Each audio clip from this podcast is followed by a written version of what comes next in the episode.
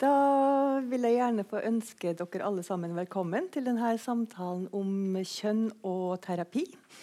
Uh, som da er i regi av Litteraturhuset i Bergen i samarbeid med Institutt for aktiv psykoterapi, som er et etter- og videreutdanningstilbud til psykologer. Mitt navn er Kari Jegerstedt. Jeg holder til vanligvis til på Senter for kvinne- og kjønnsforskning ved Universitetet i Bergen. Eh, jeg er da ikke utdanna psykolog, men jeg har den glede å ha med meg noen som er det, nemlig Hanne Håvin, eh, som da har jobba i en årrekke som professor eh, ved Universitetet i Oslo, nå professor emerita ved Psykologisk fakultet, eller Psykologisk institutt i Oslo, heter det vel. Hanne Håvin er også en nestor i norsk kjønnsforskning. Uh, og bl.a. har faktisk slått ridder av første klasse av St. Olavs orden i 2016. Um, hun har nettopp også fått en annen pris, som er kanskje litt mindre, men som jeg har lyst til å nevne, siden jeg hadde den ære å være med å dele ut den prisen. Men når Tidsskrift for kjønnsforskning hadde 40-årsjubileum i fjor, så fikk Hanne Hovin prisen for den beste tiårets beste artikkel på 80-tallet. Uh, Hanne har jo da en veldig stor produksjon uh, bak seg og har vært gjesteforsker ved en rekke internasjonale universitet. Jeg merker nesten at jeg blir litt sånn starstruck når jeg sitter her. Uh, men grunnen til at vi er her i dag, er ikke, at vi skal snakke om Hanne sin karriere. egentlig ikke, uh, Men nemlig at det da fra høsten 2019 av så får mannlige søkere ekstrapoeng ved opptak til psykologistudiet i UiB. Det gjelder vel også i Universitetet i Oslo, gjør det ikke det?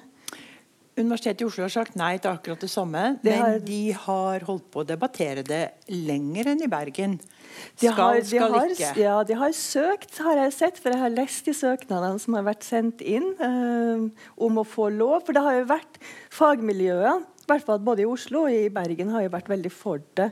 Uh, men selvfølgelig, som alle tiltak som har med kjønn å gjøre, så er det jo veldig, uh, veldig kontroversielle tiltak det her er snakk om. Grunnen, men grunnen til at man har gått inn for det, er jo da at det per i dag er vel rundt 80% av alle psykolog, psykologistudenter er kvinner. og da for å prøve å sikre kjønnsbalansen både i løpet av studiet, men også for å sikre kjønnsbalansen av ferdigutdanna psykologer etter studiet. Så har man da tenkt at et sånt tiltak kunne være verdt å, å, å prøve. Så jeg lurer på om du kunne si litt om, om rasjonalet bak denne tenkninga først. Er dette en god idé? Altså, først og fremst så har jo først Universitetet i Oslo og så Universitetet i Bergen sagt at uh, Kanskje er det noe dumt med opptaksvilkårene når det er sånn Det er vanskelig å komme inn på psykologi når det er sånn at det er så mange jenter som lykkes. Og det fins jo mannlige søkere, men de ligger altså litt etter i poeng. Og da, Hvis dere har fulgt med i den debatten, så har dere sikkert sett at noen sier er det sånn at disse opptakspoengene favoriserer jenter, og at gutter kan andre ting? På høyt nivå som ikke kommer ut på opptakspoeng, må vi liksom vide ut hva grunnlaget skal være. Og det neste argumentet det er jo Er det en verdi i seg selv at et miljø, et fagmiljø, et universitetsinstitutt har omtrent halvparten kvinner og menn, eller noe der i nærheten. Altså et kjønnsblandet eller kjønnssammensatt miljø. Og så det siste poenget, det er jo spørsmålet Eller siste spørsmålet, det er jo Er det sånn at mannlige klienter, eller kanskje særlig unge gutter, foretrekker eller har mer utbytte av å møte en mannlig psykolog? Altså at det er brukerinteressene. Og alle disse spørsmålene er jo interessante spørsmål.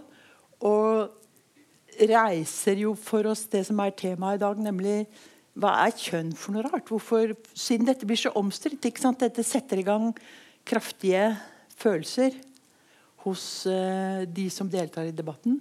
Lederen på Instituttet for psykologi i Oslo har f.eks. akkurat skiftet mening. Han, uh, han, hadde tenkt at dette var en god idé. Det syns de andre som han kom inn på instituttet sammen med. Men nå mener han at tenk akkurat i 2018 så var det sånn at likestillingen var kommet så langt i Norge at den var akkurat på det riktige vippepunktet. Og hvis kvinner og menn nå fordeler seg forskjellig på studier, teknologiske studier og psykologistudier, så er det bare uttrykk for at nå har alle helt frie preferanser. Og vi har funnet det naturlige vippepunkt. Så han syntes ikke at man skulle gjøre noe for å bringe gutter inn. Men det er mange på instituttet vårt som også syns at det mm. For det er jo to litt ulike problemer, da, tenker jeg. Altså Det ene er jo altså hvor mange altså Det å få kjønnsbalanse på et studium. Og det kan jo ha en en stor egenverdi. Uh, altså, forskning har jo vist flere ganger at arbeidsmiljø som er sammensatt har flere kjønn, uh, som er mangfoldige, uh, blir bedre arbeidsmiljø. Men en annen ting er jo da det at argumentet at man vil også ha utdanne mannlige psykologer for fellesskapet etterpå. Og Hvis det da ikke er nok menn som kommer inn, så må man kanskje ta et, et tiltak da. Ja, Det interessante er jo da at det er veldig lite forskningsmessige eller faglige holdepunkter for at gutter og menn foretrekker mannlige terapeuter. I den grad, Jeg prøvde å sjekke litt, men jeg mm. hadde ikke så god tid på det. Men jeg mente å huske, og det stemte også, at i den grad man vet noe om det, så er det at både kvinner og menn foretrekker kvinnelige psykologer. Fordi at de syns at det å snakke om private og personlige ting Og det er bare en tendens, det er ikke noe alle mener, men en tendens. Det er lettere å gjøre med en dame. Det er tryggere. Hun er på hjemmebane. Og vi vet jo også at det er jo flere kvinner og jenter som går til psykolog. Og menn som blir med sine koner, de gjør nettopp det tendensielt, de blir med konene sine. De gjør det fordi hun gjerne vil det. Men kan det tenkes at hvis det var flere mannlige psykologer, så hadde menn også oftere gått til psykolog? At, liksom, at, at flere kvinner går til psykologer for at det er flere kvinner som er psykologer også? At det er rett og slett veldig vanskelig å si. Altså, psykologi sånn historisk sett har jo minst to forskjellige røtter. Det ene er psykoanalysen, det andre er eksperimentalpsykologien. for å si det enkelt. Eksperimentalpsykologien var en del av den fremvoksende naturvitenskapen. Og det var et manneområde med mannlige deltakere. Men psykoanalysen, som var litt sånn odd og på siden og utenfor de tradisjonelle akademiske institusjonene, de rekrutterte helt fra begynnelsen av både kvinner og menn. Og de rekrutterte, hvis vi skal sette det litt på spissen, ganske odde kvinner og menn. Det var, for, for, det var en odd greie i, i, det store og hele. I dag er det blitt en akseptert og alvorlig ting. Så istedenfor å svare eksakt på disse tre spørsmålene, så kan vi kanskje lure litt på hva, hva er kjønn for noe rart, liksom? Mm. Ja, det ligger jo noen antagelser til grunn her da, som ikke nødvendigvis er riktig. for å si det sånn. Jeg har jo sett også, når jeg har googla litt rundt og se hva, hva Psykologisk institutt i, i Bergen blant annet, folk har sagt der, hvor de er veldig for å ha, gi tilleggspoeng for å få flere gutter inn, så sier man jo samtidig at man vet jo at terapeutens kjønn ikke har noen ting å si for resultatet av behandlinga at behandlinga er like vellykka, sånn fullstendig uavhengig av terapeutens sitt kjønn. Så hvorfor vil man mener man da fremdeles ja. at det er så viktig? Og akkurat det du sier der, er jo Da er vi på sporet av hva kjønn er for noe rart. Og det er jo at veldig ofte hvis man ser statistisk på det sånn, Er det en allmenn, gjennomgripende, systematisk tendens til at terapeutens kjønn spiller noen rolle? Nei. Ikke særlig fremtredende. Men i det enkelte tilfellet, i møtet mellom to personer, så er det nærliggende å tenke at kjønn spiller en rolle for hva de utveksler. Altså Kjønnet er jo tydelig til stede også når det ikke blir snakket om. Og de to som møtes, enten de har samme kjønn, damer, samme kjønn, menn, eller omvendt kjønn, kvinner og menn, eller er uklare på hva de er, så har de jo referanser implisitte med seg til hva kjønn kan bety, og hva det ikke kan bety. Og hvis vi ser historisk på det, og det tror jeg vi også må gjøre for å forstå betydningen av kjønn, så er det jo noe som er under endring. Det er ikke en statisk ting.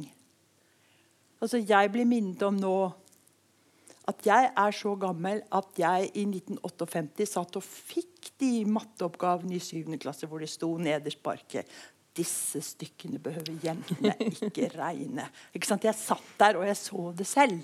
Det, og, og, det skulle slutte. Jeg visste at det skulle slutte. Jeg skulle ta syvendeklasseeksamen ganske snart, men det skulle slutte. Det visste jeg også. Og hva gjorde jeg? Jo, vi hadde ikke fått opplæring i de oppgavene som sto nederst. Og stykke nummer 22 og 23. Men jeg satte meg fore jeg ble ikke fornærmet og nedtrykt og tenkte at ingen tror at jeg kan noen ting. Det virket helt motsatt på meg. Jeg satte meg ned og regn, prøvde å finne ut hvordan jeg skulle regne de stykkene om sånne biler som kjører frem og tilbake, og en due som flyr fra den ene bilen til den andre. Husker dere de der? Dere hadde dem, både gutter og jenter, men den hadde ikke jentene hatt. Så det hadde helt motsatt effekt. Omvendt psykologi? Og det var selvfølgelig fordi det var jo akkurat da det ble slutt. Mm. Meldingen til meg var ikke disse stykkene kan jentene ikke regne, men det var, det var, en gang sånn i fjor at disse stykkene kan ikke jentene regne, men det er det slutt på. Ok, sa jeg. Da regner jeg de stykkene. Og sånn er det jo med kjønn hele tiden. Altså vi, som jeg siterte til i sted med instituttlederen på psykologi, Pål Kraft, som sier likestillingen er kommet langt. Nå er den akkurat perfekt. Og det kan vi jo diskutere. Jeg tror han tar feil i akkurat det.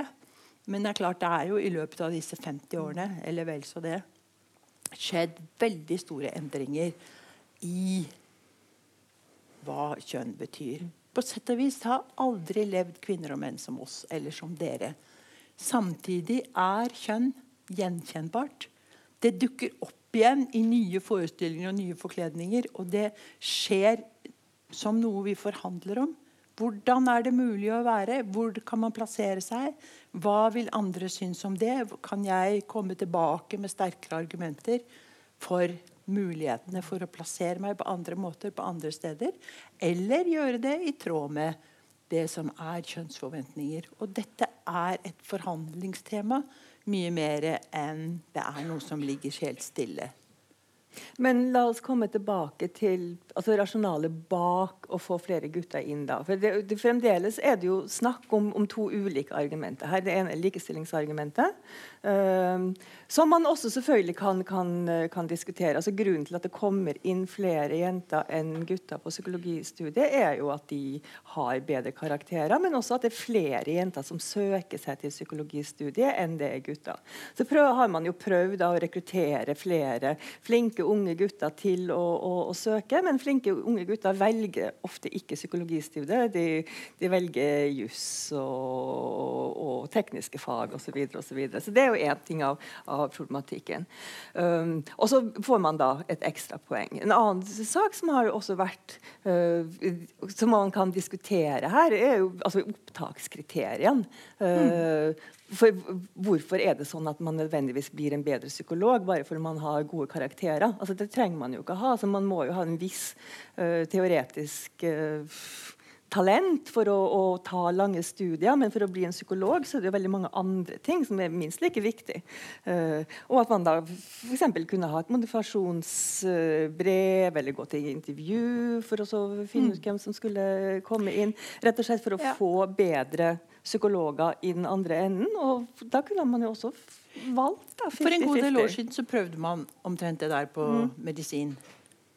Eh, det var eh, dels eh, såpass lenge siden var dels for å få inn flere jenter, men også dels for å få inn gutter en, og jenter med en bredere sosial bakgrunn.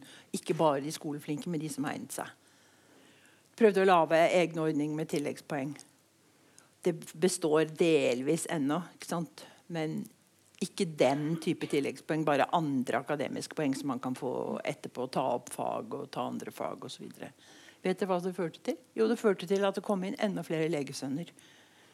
Ja, altså, for de kan lingoen. Ja, fordi, fordi, ikke sant altså, Hadde det vært sånn at vi mm. kunne gjenkjenne en psykolog på en 19-åring eh, fra en annen 19-åring som ikke passet til å være psykolog, men det er så grove kategorier at det kan vi ikke gjøre.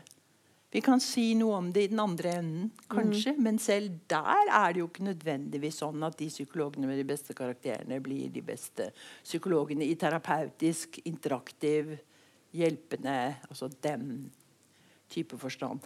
Men det vi vet om psykologifaget, og det vet vi er, er at det blir ikke oppfattet av studentene, verken de kvinnelige eller mannlige, som et kvinnefag eller som et omsorgsfag. I Oslo har de drevet og intervjuet en god del mm -hmm. av de guttene som faktisk er der.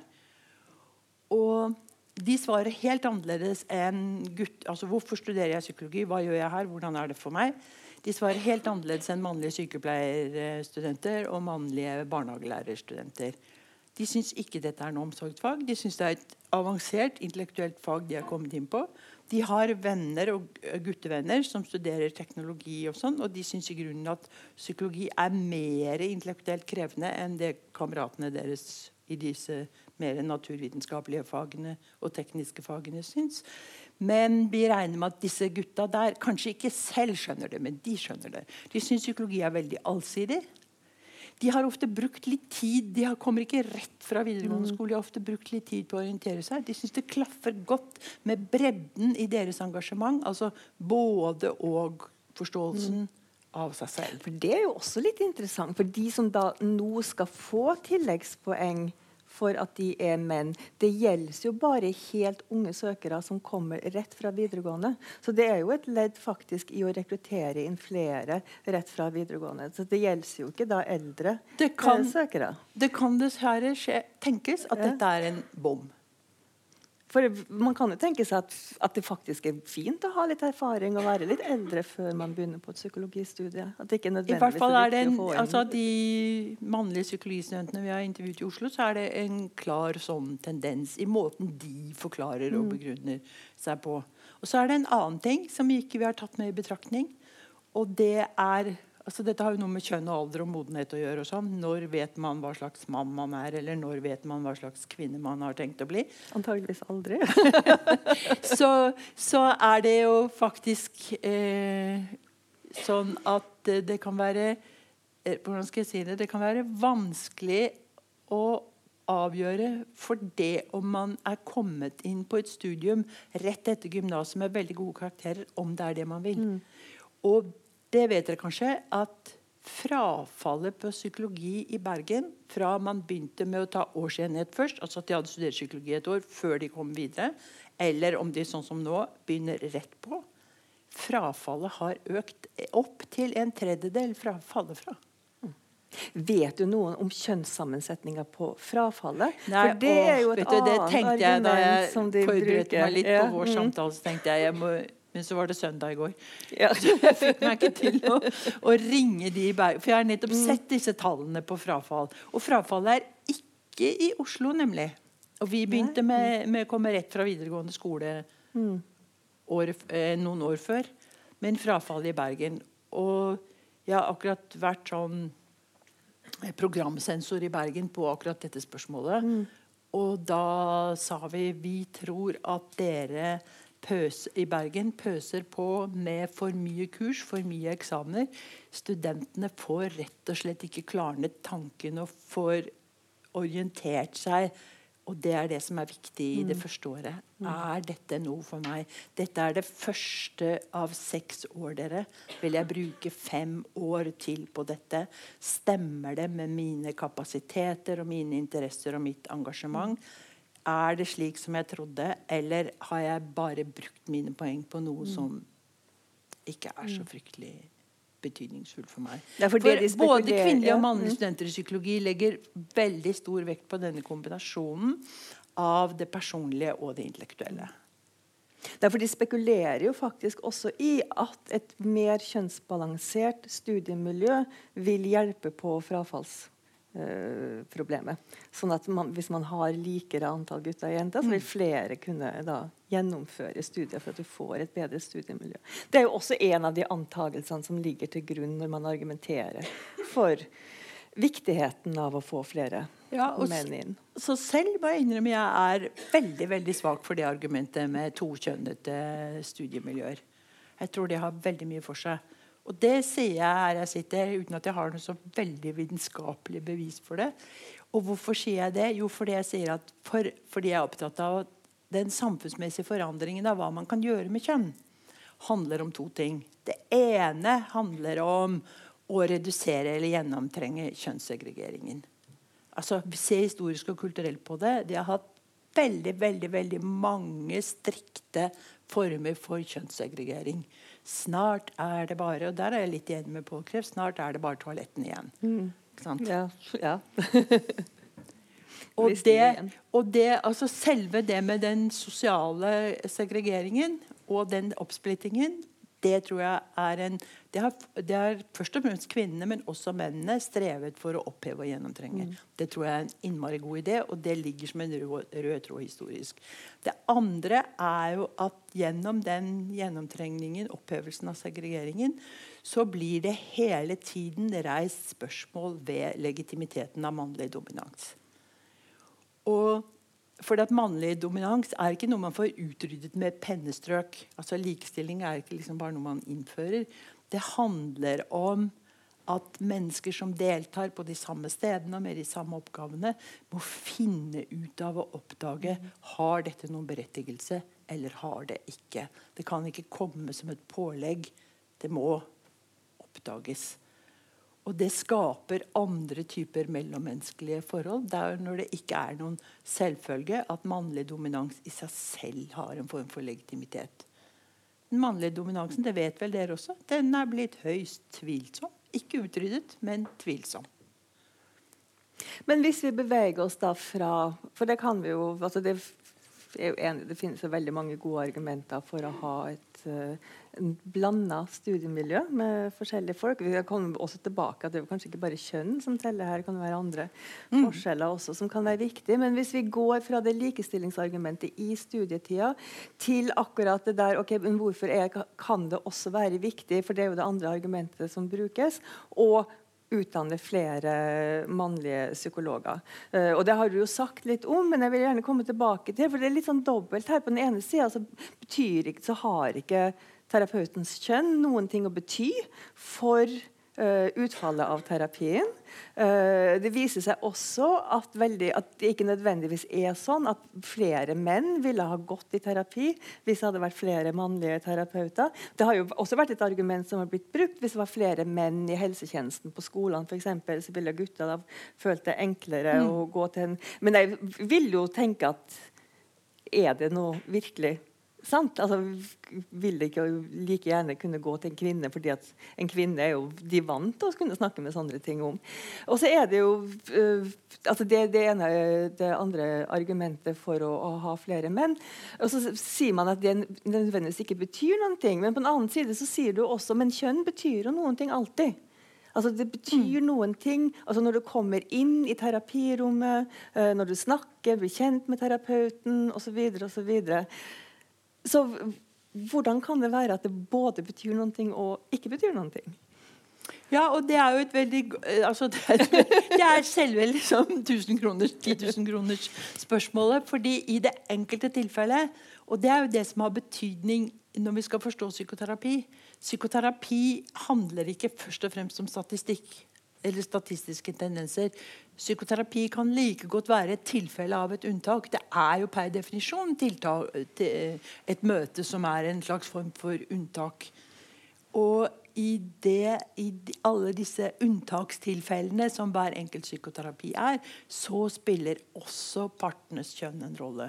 Og det spiller en rolle når det er to personer, sånn som vi sitter nå.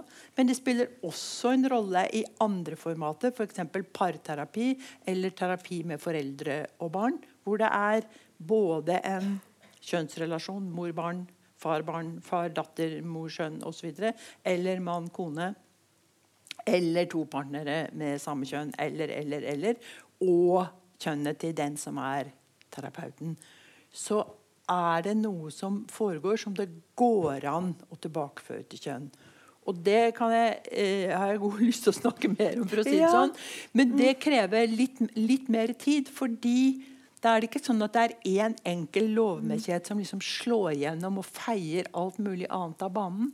Men det er at kjønn er noe partene forvalter og uttrykker seg gjennom vi kan møtene. bare se bare på, på parterapi da, som et eksempel. Uh, for der vet jeg jo at det er veldig mange uh, steder nå som tilbyr uh, såkalt dobbel parterapi. At du både har en, mann en mannlig og en kvinnelig terapeut. Altså det er jo selvfølgelig også veldig heteronormativt, da, for da går man jo ut fra at det skal liksom være også en mann og en kvinne i, i, i paret. Men la oss si det, altså det blir tilbudt som noe som da skal være bra for parterapien. At du har to terapeuter, en mann og en kvinne. Og jeg vil jo tro da at jeg vet ikke, det er jo bare spekulasjoner. Men hva slags tankegang er det som ligger bak det? da? Er det fordi at man tenker seg at kvinnen holder med kvinnen, og mannen holder med mannen, og så kan man liksom utvide ekteskapskrangelen i det uendelige? Eller hvorfor, hvorfor har man sånne ordninger?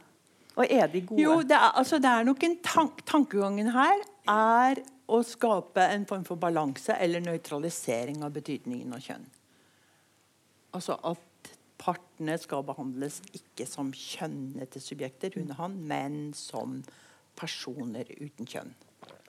Og så er jo mitt spørsmål er dette mulig? Er dette rimelig? Lurer man seg selv?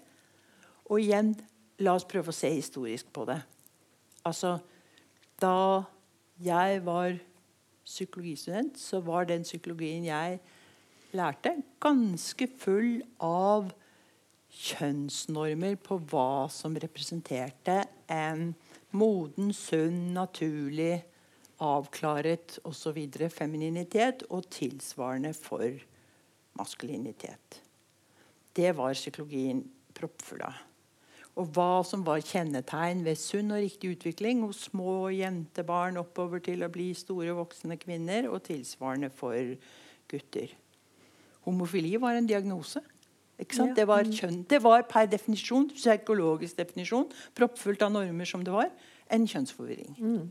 Det var det vel helt frem til 1973? Ja, Men det, det dovnet litt av. altså Bruken av den diagnosen dovnet litt av. Det var liksom på den tiden. Men det var no, og Og nå har man jo det sånn parallelt med trans. da, så Det er jo en sånn, sånn kjønnsdysfori Ja. sant, som også er en diagnose, men som også man da, går vekk ifra. Og det aller første jeg skrev i psykologi, het 'Myten om den gode mor'. Det var oppgjør som ung gravid kvinne tidlig på 70-tallet. Eh, med forestillingen om at eh, bare kvinner kunne ta seg av babyer, og at mennene burde holde seg unna de ni første månedene, tilsvarende altså et psykologisk svangerskap. Og så kunne mennene komme inn og redde den lille babyen. Dere har lest det, dere òg, men for dere er det historie. De av dere som er studenter. Så kunne redde babyen fra symbiosen og fra det klamme livet uten intellektuell kapasitet. Komme med symbolske peniser og innføre ordet og symbolet og andre ting som eh, babyer trengte når de var kommet ut av det første Og like mye mora som må reddes ut av den der, da. ja, det er like mye mora som må reddes ut av den ja. der. Ja. Og disse tingene ble veldig mye kritisert på den tiden, og de forsvant. Det førte til en slags oppryddingsvirksomhet innenfor psykologien. At disse sterke normative forestillingene forsvant. Og det skjer vel også når flere kvinner kommer inn i psykologien, gjør det ikke det? Eller? Jo, altså den, Eller er det ikke noe sammenheng for, altså, Jeg vet ikke hvordan du ble kjønnsforsker, men jeg ble jo kjønnsforsker i en generasjon med unge kvinnelige studenter som sa en, i disse forskjellige fagene våre Hvorfor handler ikke dette om meg? Mm. Ikke, har ikke mine erfaringer noen interesse? Hvorfor handler det bare om gutters og menns erfaringer? Og hvorfor skal representasjonen av meg som kvinne være så fordreiet og så på tvers av og uten hensynstagen til hva som er vitenskapelig dokumentert i et fag med vitenskapelige ambisjoner? Så det var jo liksom det første opprøret. Og ja, det har psykologien på mange måter tatt hensyn til. Men så skjer det noe rart, fordi at denne formen for kjønnsnøytralisering blir også tildekkende. Forklar det. Jo, la oss tenke oss at det er et par som kommer i terapi. Og det jeg sier nå, det er fortellingen om fremstillinger av terapi som jeg leser i oppgaver, artikler, som jeg lytter til på bånd. Så dette er et mønster som gjentar seg. De kommer i terapi, og den eh, familieterapeuten starter jo med å be dem å fortelle om hva de syns er vanskelig, og hva de gjerne vil jobbe med. Og dette er litt komplisert, så jeg tror jeg skal finne frem notatene mine. Så jeg er ikke sikker på at jeg ikke går i surr underveis. For dette vil jeg gjerne ha dere med på.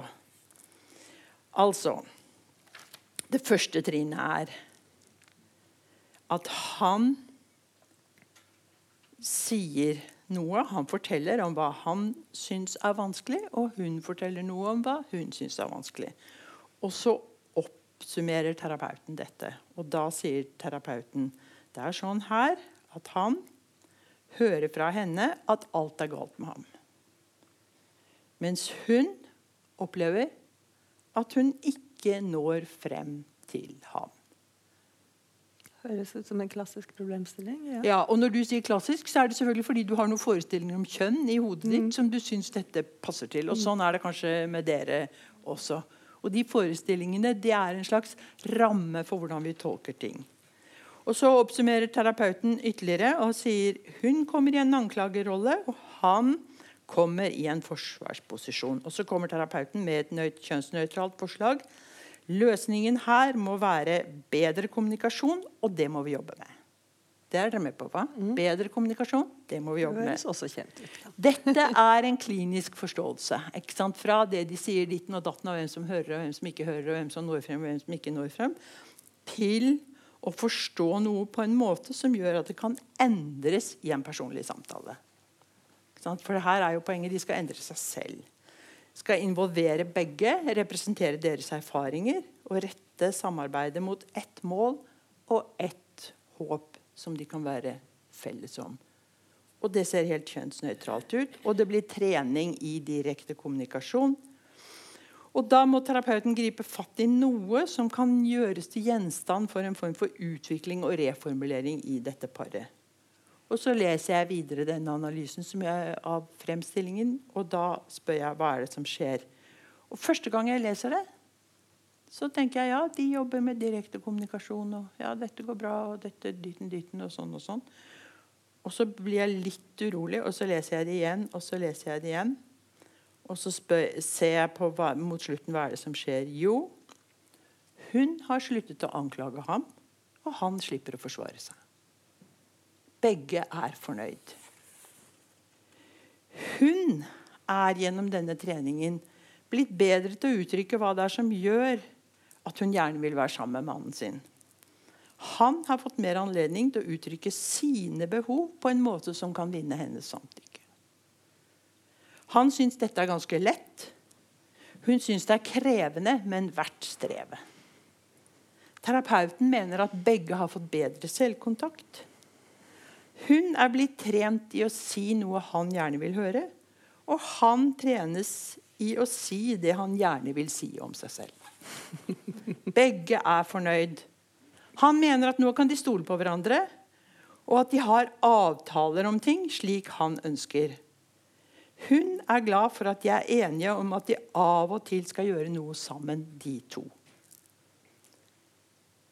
De to kjønnsnøytraliserende manøvrene som terapeuten har holdt på med, er altså at de skal kunne kommunisere bedre og bli i stand til å gjøre noe hyggelig sammen.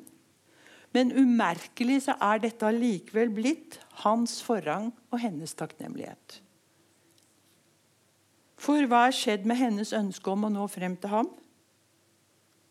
Og dette er systematiske effekter som jeg kan sitte og spore fordi jeg har god tid og leser. Jeg sitter ikke der Men, og holder på. men det er en case story som du Ja. har lest, eller en observasjon? Nei, Det er en case story. Mhm. At det som oppleves som det intuitive balansepunktet, oftest er skjevt. Det er som et puslespill. altså Den som analyserer terapi, det er noe annet enn å drive det. Den som analyserer det sånn som jeg gjør, trenger ettertanke. Trenger å se på tvers av flere kasus. Trenger å følge med på hva som skjer over tid. Hvordan effektene aggregerer seg. Og være følsom for kontekst. Og nå er det sikkert noen av dere som sier dette må være et utrolig sært tilfelle. Jeg vet ikke hva du tenkte? Kari? Jeg satt bare og tenkte, men det var litt, litt uh, malapropos. Men, men, jeg følger det. Men jeg, jeg så en gang en, en, sånn på amerikansk TV, en sånn TV-terapeut som visstnok skal være så veldig bra, uh, og som da snakka med et par. Uh, som han virka utrolig flink med å få frem de ulike problemene som de hadde. Og så fikk vi møte da paret et halvt år etterpå, hvor de var veldig lykkelige. Men da satt jo, altså, da satt jo han og prata og prata og prata, og prata om hvor lykkelig han var. Mens hun som hadde vært den som prata før, satt der helt stille og nikka og smilte. Ja, ja, nå er vi så lykkelige. Så tenkte jeg gud, er det sånn terapi foregår? men det er ikke helt parallell, men jeg ser jo, uh, jeg ser jo altså Det er på en måte mannens altså det er rammeverket for forståelsen som er kjønna. For jeg hører jo at du sier terapeuten.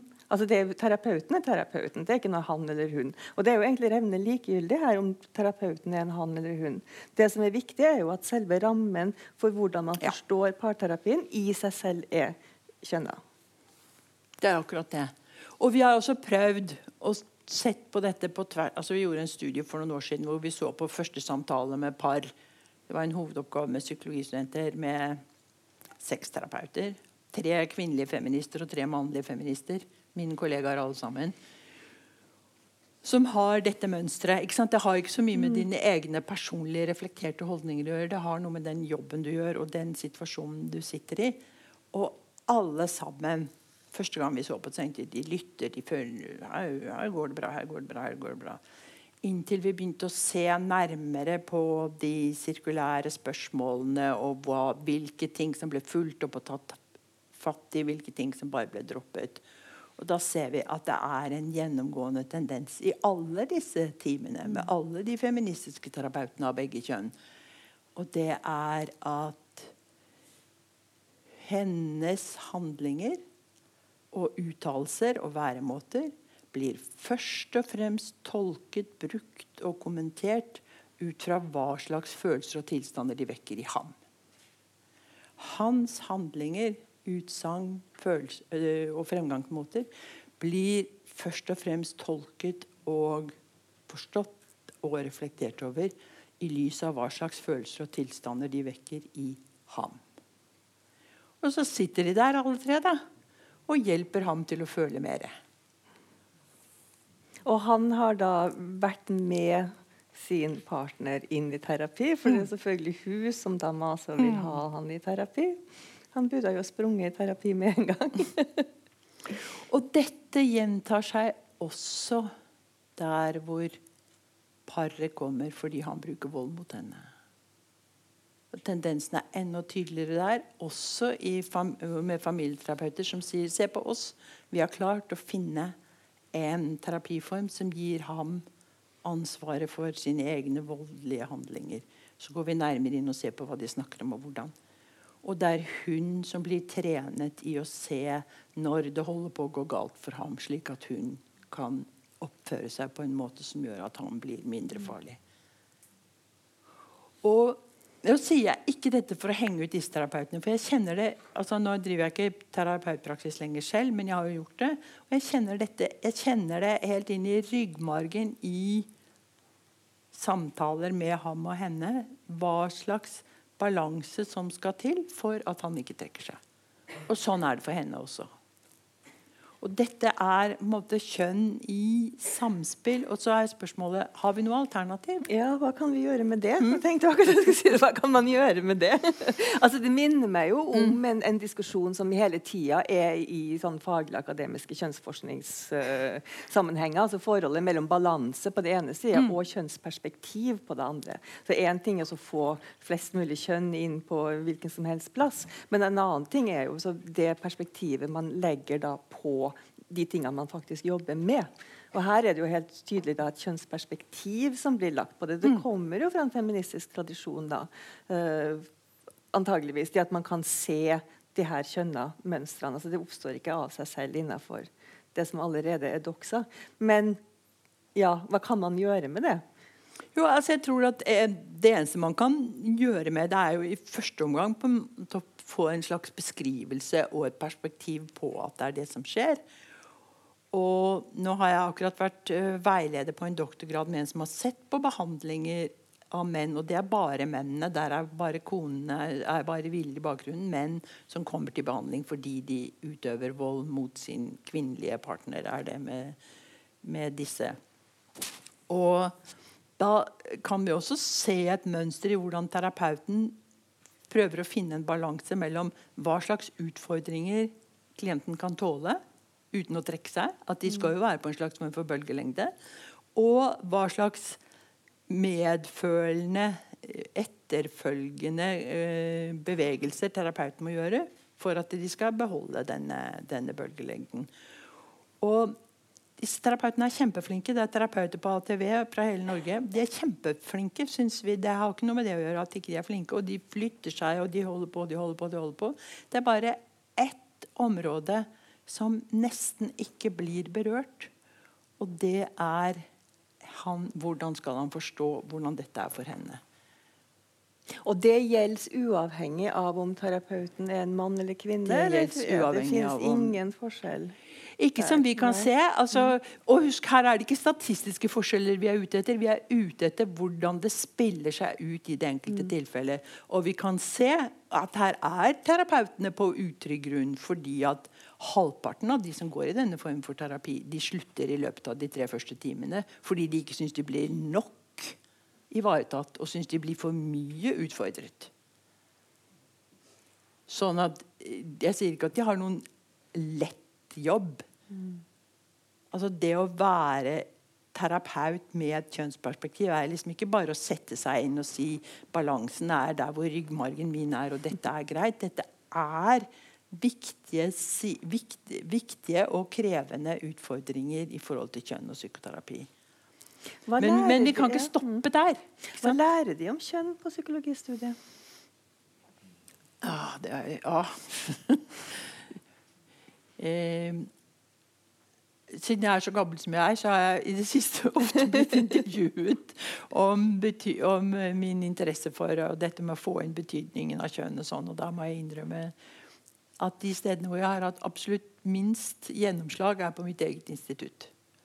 Jeg har jo også vært i sånne tverrfaglige mm, kjønnsforskningssammenhenger. ikke sant? Og det er mye, mye, lettere å snakke om og få gjennomslag og, og, sånn der. Og hvorfor er det sånn? Jeg regner med kanskje noen av dere er psykologistudenter. Da vet dere én ting, og det er at kursene de er den enkelte lærers ansvar. Det er ikke kutyme på psykologi, akkurat som det ikke er kutyme på medisin at man går og banker på andre folks seminardører og sier burde du ikke hatt med litt om dette og litt om dette i disse kursene dine. Dessuten det er det nok sånn at de fleste, Hvis dere intervjuet lærerne på psykologi, så vil de fleste si at de har et helt nøytralt, avbalansert altså De har gått fra denne kjønnsfordomsfulle fasen mm. på slutten av 60-tallet og tidlig på 70-tallet og inn i en helt nøytraliserende Akkurat som disse terapeutene vi hørte om. De er en helt kjønnsnøytral. De har ikke noe imot, de er helt for. Og sånn er det. Så de har ikke noe veldig behov for å gjøre noe med det. Samtidig så ser jeg jo når jeg er veileder for psykologi, altså klinisk veileder for psykologer, at forestillingen om at mødre Altså demoniseringen av mødre ligger fremdeles ganske høyt oppe og er ganske nær til stede i klinisk barnepsykologi også. Og vi har nettopp sett på sakkyndig erklæring fra psykologer som psykologer lager i barnevernssaker, der hvor det er spørsmål om omsorgsovertakelse. Og vi ba om å få tilsendt en del anonymiserte sakkyndige rapporter, så vi vet ikke om det var kvinnelige eller mannlig sakkyndig. Det var sikkert begge deler, hvor spørsmålet om omsorgsovertakelse var aktuelt. Det var det psykologene hadde utredet. Og hvor det bar både en mann og en far i barnets liv. Ofte er det bare en mor, så det er ikke så mye å lure på. Og Da ser vi jo at det er en kjønnspreget logikk som psykologene selv åpenbart ikke er klar over når de spør om eh, Når utgangsspørsmålet er er det vold fra far, så blir det ikke den videre utredningen et spørsmål om far kan slutte eller ikke kan slutte å være voldelig. Men spørsmålet blir om mor kan hindre ham i det. Og mens når det er spørsmål om mor har for dårlige intellektuelle evner eller kognitiv kapasitet til å være mor for barn, så blir det ikke etterlyst. Da har hun bare seg selv å falle tilbake på. Mm. Altså, da blir det ikke etterlyst om far kan hjelpe henne med det, eller om faren kan være far, eller om mm. faren kan ha omsorg for dette barnet. Eller, altså, det er en tendens som de sakkyndige psykologene åpenbart ikke selv er klar over, i hvordan de beveger seg gjennom dette feltet. Men det er jo ganske deprimerende, da, tenker jeg, at den bevisstheten tydeligvis er såpass lav i et felt som psykologi, hvor man tenker at tenkning om kjønn må være så opp opplagt til stede. Eh, hvis man i forlengelsen av det du sa i sted, tenker at kjønn er jo noen ting som vi erfarer psykisk, som en psykisk størrelse ved mm. oss selv hele tida, og som regulerer alle slags møter med andre mennesker. Så hvorfor, hvorfor er ikke et sånt kjønnsperspektiv mer til stede i psykologien? Nei, Det er jo et godt spørsmål. Jeg vet ikke om hva dere som sitter her, tanker om det. Jeg tror en av grunnene er at innenfor psykologi har kjønn veldig mye blitt behandlet som et spørsmål om statistiske forskjeller. Og de statistiske forskjellene de er ganske krevende å spore. De er i, i, knirk, knirk. Det er noen ting som er sånn at ja, det er kanskje flere kvinner enn menn som har spiseforstyrrelser, eller det er kanskje flere unge menn enn kvinner som tar livet av seg. Men det fins også Ja, det fins også. Og så stopper man liksom der og tenker at det beste jeg kan gjøre, er å holde over det ene øyet og tenke jeg ser på dette helt kjønnsnøytralt, istedenfor å lukke opp begge øynene og se hva slags systematikk er det som gir disse effektene, som er ikke absolutt todelte, men som allikevel er skjeve. Jo, da må vi rykke litt tilbake fra dette med statistiske kjønnsforskjeller. Litt tilbake fra hvem, hvilke grupper kvinner sammenligner vi med hvilke grupper menn osv. Og, og så må vi se hvordan er det betydninger knyttet til kjønn spiller seg ut i samspill.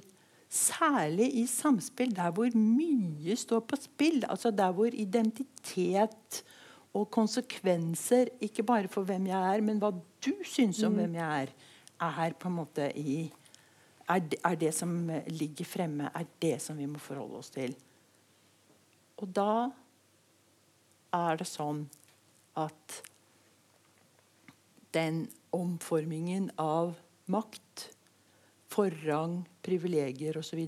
til noe annet, til noe naturlig, det er, liksom, det er der utfordringen Det er å forstå dette. Det er der utfordringene ligger. Og det krever en form for ettertanke. Fordi det er ganske dypt innarbeidet. Det er nesten lettere da bare å få 50-50 menn og kvinner på studiet enn virkelig å ta tak i de mye større problemene. Kanskje det er også bare en slags Ja, men jeg tror, altså, jeg tror nok at uh, allikevel at uh, det, altså I studier eller i utdanning i det hele tatt, så er jo det av de relativt få steder i verden hvor, hva skal jeg si, hvor kjønnene i noen grad er sidestilt. altså hvor det er nat de, de, går liksom ved siden av hverandre.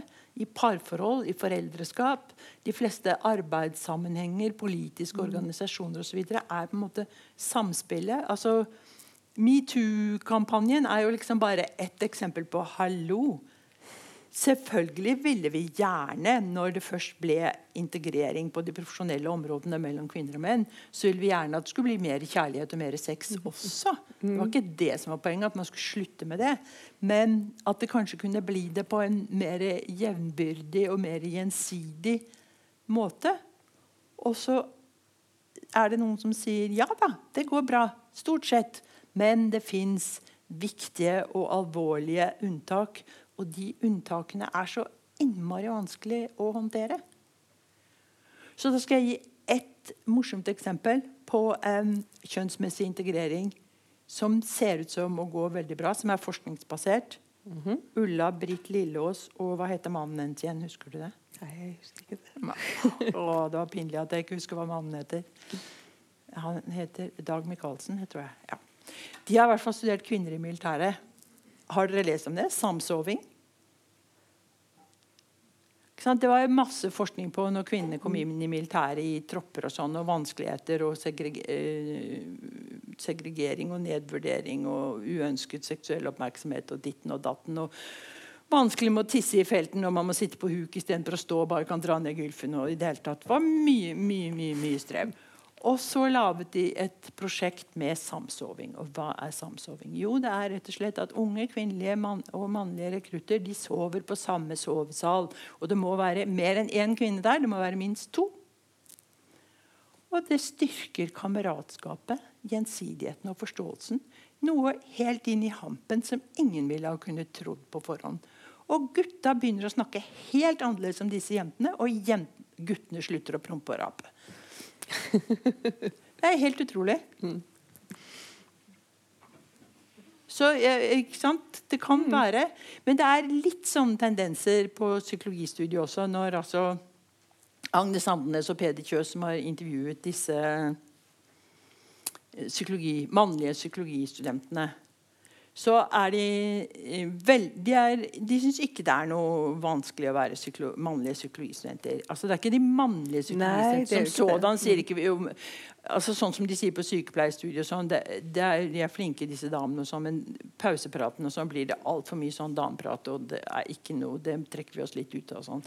Nei, Guttene på psykologi syns de har det helt fint sammen med disse 80 eh, eh, jentene. Men når de snakker litt videre om hvordan de ser på dem, så er det én ting som er litt rart. Og det er at de syns at jentene er ganske like. Ganske like. Bitte lite grann kjedelige.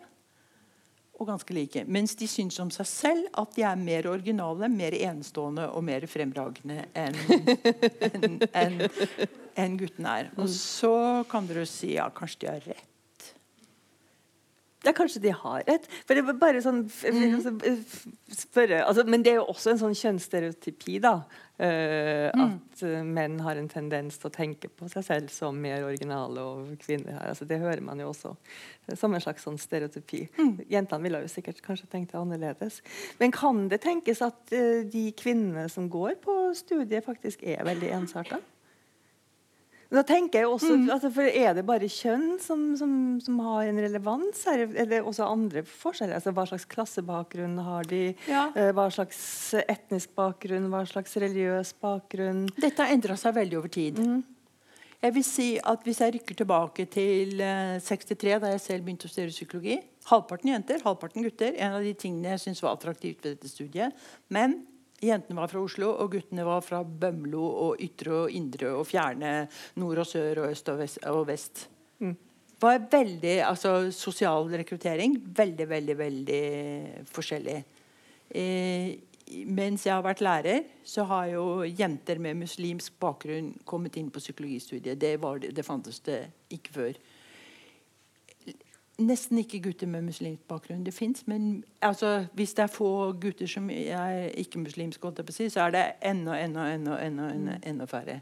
Men muslimske jenter er eh, Det er ikke noe oppsiktsvekkende. Hijab er ikke noe oppsiktsvekkende hårfrisyre eller mangel på hårfrisyre på, på psykologistudiet i dag. Så ja, det både inviterer til et slags mangfold som også avspeiler seg at guttene sier at det er variert. Det er både intellektuelt og personlig og osv. osv. Men denne tendensen til å se på jentene som flinke, men litt kjedelige, litt pliktoppfylte, den stikker jo mye, mye dypere. Og det er også en av de indirekte tingene som gjelder i liksom, hvordan vi umiddelbart persiperer kjønn i grupper hvis det er flere av begge sorter. Eh, du husker kanskje den engelske pedagogforskeren Dale Spender, som var en av de første ja. mm. som gjorde masse studier i klasserom, både på barneskole og på høyere på universitet osv., om hvordan lærere fordelte oppmerksomhet til kvinnelige og mannlige studenter. Og vi gjorde selv, Jeg var selv med på noen observasjonsstudier i Oslo på den tiden, og vi kunne se på seminarene at seminarlærere, både kvinnelige og mannlige seminarlærere på psykologi, viste mennenes utspill mye mer oppmerksomhet enn kvinnenes utspill når de satt på seminarer. Og det var tydeligere på sånne seminarer som hadde teori som tema, enn sånne seminarer som mer var en sånn tematisk mm. uh, læring. Og vi som satt og observerte, syntes at når sa, en av guttene sa noe som var kvekk uforståelig, men kanskje litt ambisiøst, så var læreren veldig god til å liksom Kom igjen og løfte frem og få mer ut av det.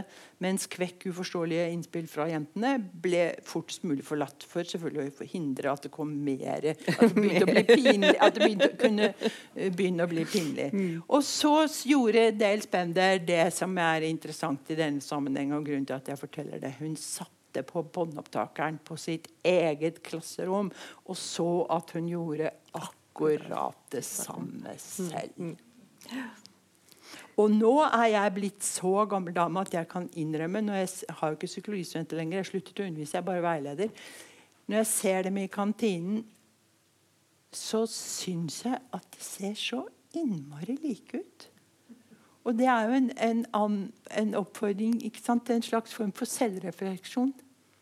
For det er helt sikkert en tosidig prosess at det er større risiko ved å skille seg ut for jenter og det er større risiko for andre å la dem gjøre det. Det er tryggere å være litt litt. Eller så er det vi som begynner å bli gamle, så vi ser ikke forskjellen.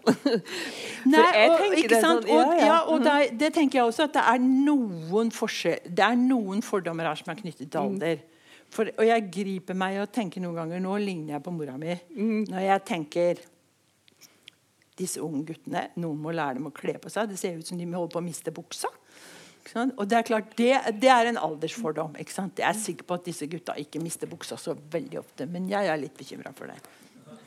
Nei, for jeg bruker jo å si til Når sønnen min gikk på ungdomsskolen Jeg ser ikke forskjell på de jentene i klassen. Altså, de ser jo prikk likende ut, mm. alle sammen. Alle sammen har langt hår, skresser sånn og sånn. og sånn. Og jeg sånn, de er kjempeforskjellige. altså Hvis ikke du greier å se forskjell på det, mamma, så er det du som rett og slett bare ikke ser godt nok. Ja. Men Dorte Marie Søndegård, en dansk psykolog som mm. var i Oslo, som for noen år siden studerte studenter og hvordan de håndterte ikke bare fag, men også privatliv. Hun sa jo også at for kvinner er det frem, og kanskje er det sånn litt fremdeles, for kvinner er det å studere og fremheve seg intellektuelt, ha intellektuelle ambisjoner, ha faglige pretensjoner utover det alminnelige, det er noe som samtidig må mildnes. Mm. Og hvordan mildner man det? Jo, man tar på seg en lys hestehale. Hvis man ikke har en lys hestehale, får man finne på noe annet. Mm. Men nå har vi nesten brukt opp hele tida. Men jeg vil gjerne høre om det er noen spørsmål fra salen før vi gir oss helt. Da har jeg fått beskjed om å si fra at det blir laga en podkast, sånn at de som stiller spørsmål, bare er klar over det. det. Du hadde et spørsmål?